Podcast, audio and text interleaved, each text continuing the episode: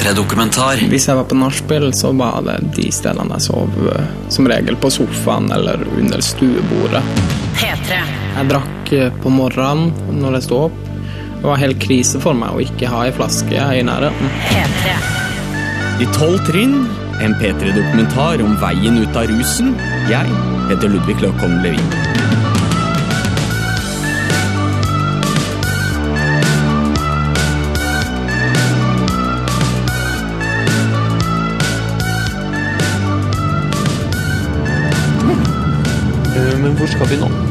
Nei, nå kjører vi opp til Lund kirke.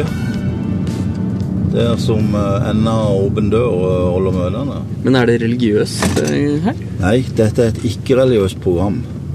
Uh, grunnen til at uh, Gud er nevnt uh, flere ganger i, i trinnene, det er egentlig bare Det er egentlig noe som eh, bare skal indikere at uh, løsninga ligger hos deg selv, det ligger hos hos en makt som er større enn deg selv.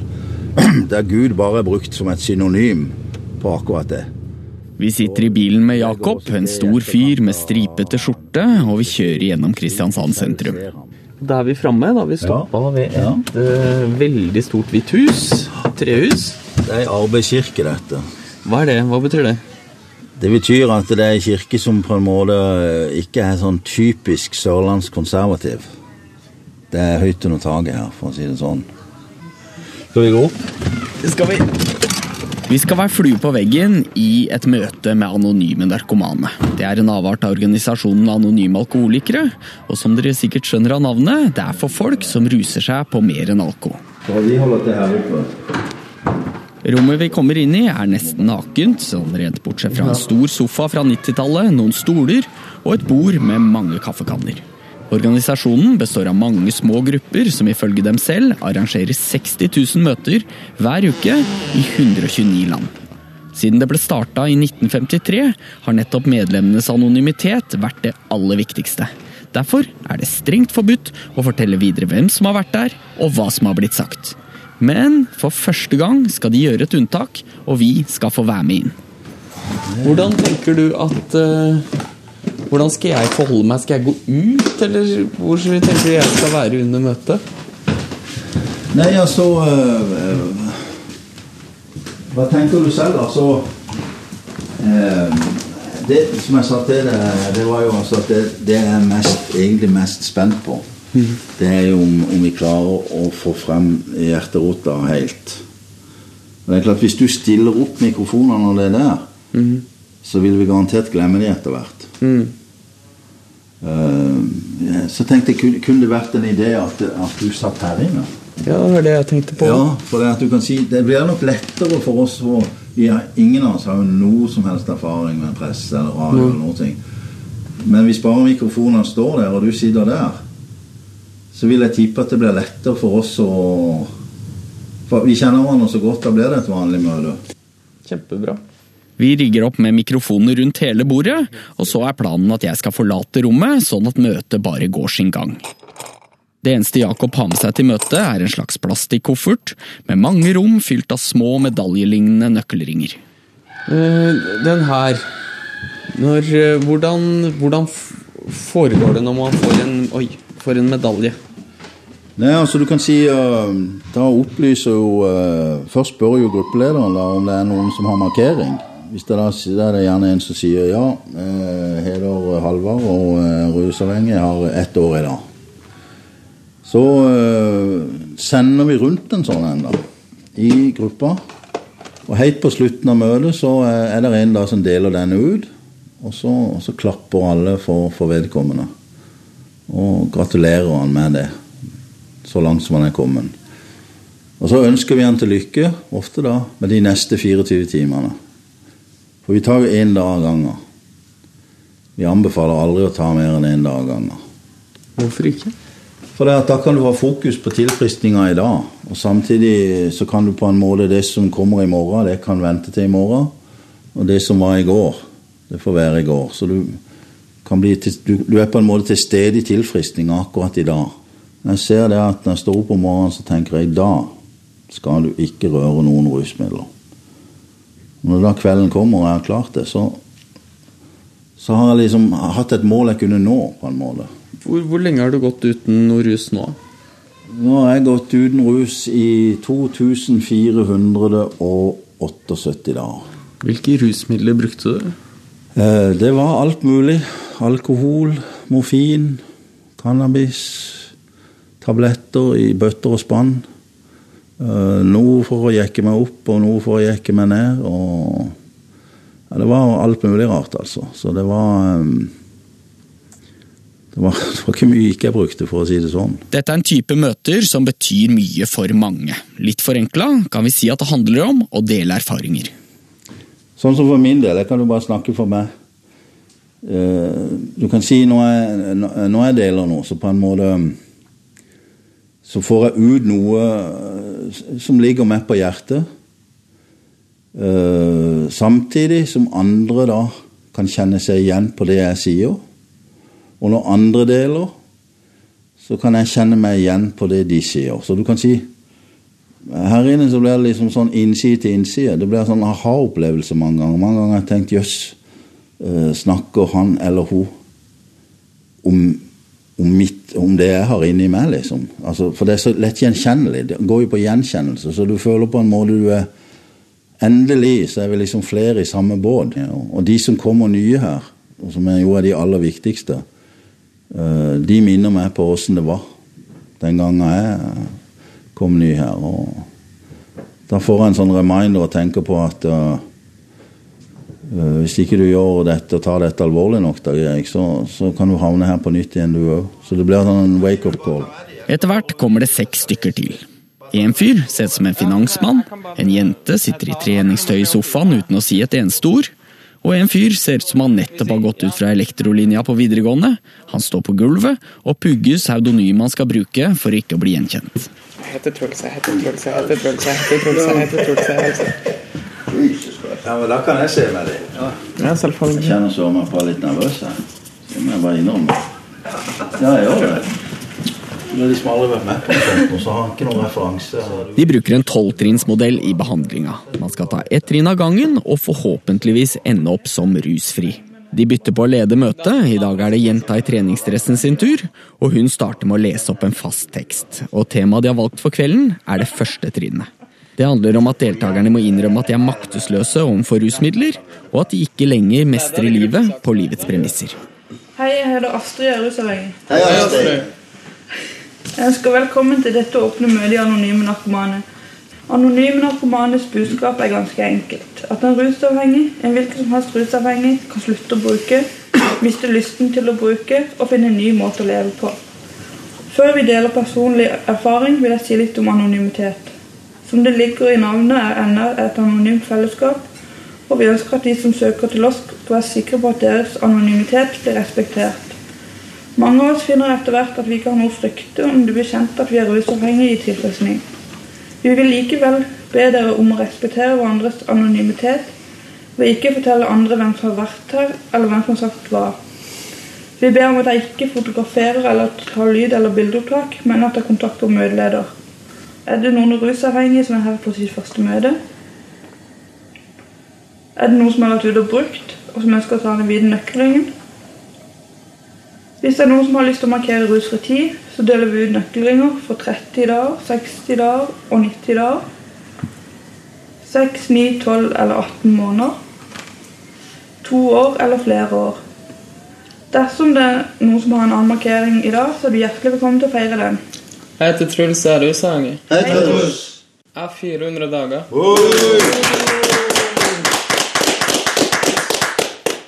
En forutsetning for at man skal få være med, er at man har innsett at man er maktesløs overfor sin egen avhengighet, og ikke lenger mestrer livet. Og det er dagens tema. Jeg heter Andreas og er rusavhengig. Hei, Andreas. Og gratulerer med 400 dager, Truls. Veldig bra. Ja, det var det første trinnet. Så eh, Altså, jeg eh, mente jo det at eh, jeg hadde ikke noe problem nå.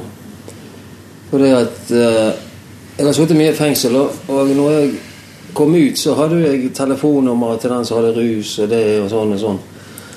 Og levde i rus og dus, holdt jeg på å si. Og Men eh, liksom når du kommer inn i fengsel, så tar de fra deg eh, friheten, men gir deg tryggheten. Kommer du ut igjen, så eh, gir de friheten og tar fra deg den tryggheten. Og den, begge de to tingene vil jeg finne ute. Og eh, selvfølgelig, i dag har jeg klart å finne det. Jeg, eh, jeg har det kjempebra. Men eh, jeg vil bare si det at eh, når jeg satt inne i fengsel, så tenkte jeg at jeg må finne en ny måte å leve på. Og eh, så eh, ringte til en i familien, og han eh, mente jo det at ender var tingen.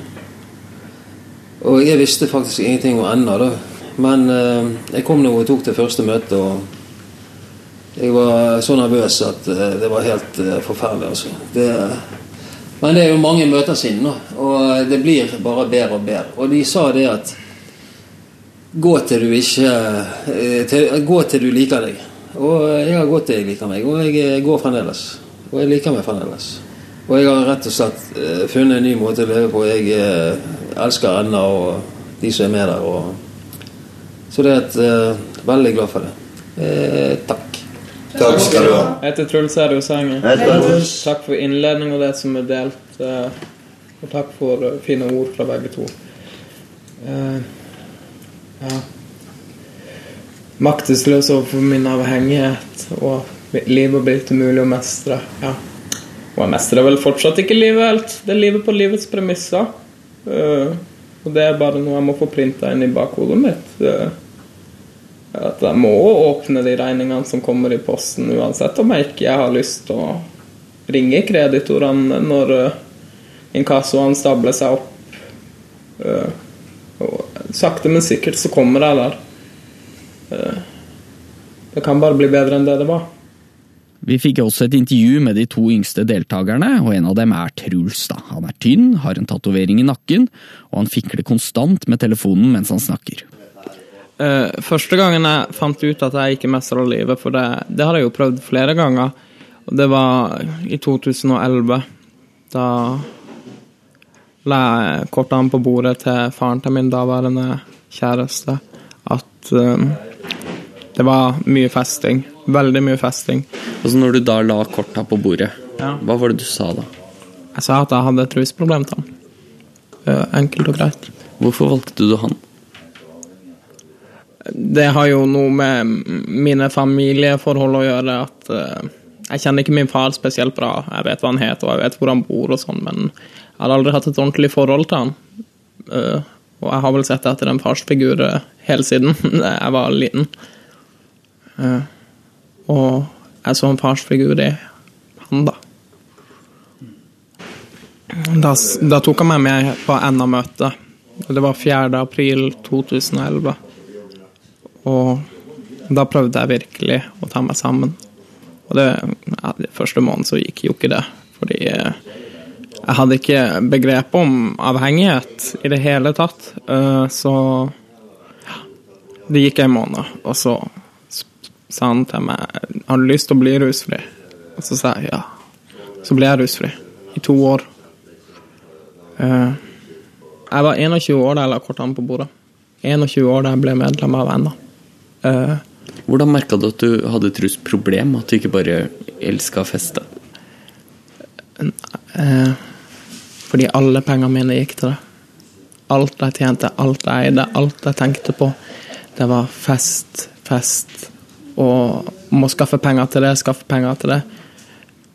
Uh, ja, det var den måten jeg oppdaga på at det ble et problem til slutt. Når jeg våkna opp, vondt i hodet, vondt i kroppen. Og så måtte jeg ha med det, for jeg måtte reparere.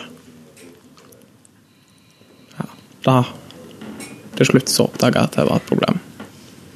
Gjemte unna drikke hos kjæresten min og andre ting hos kjæresten min. Og jeg hadde ikke selv et sted å bo, for jeg var hjemløs. Ja.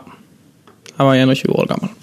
Jeg er ikke så mye eldre nå, men Hva gjør man da? Jeg sov på sofaen til forskjellige venner. Eh, Jeg sov ute.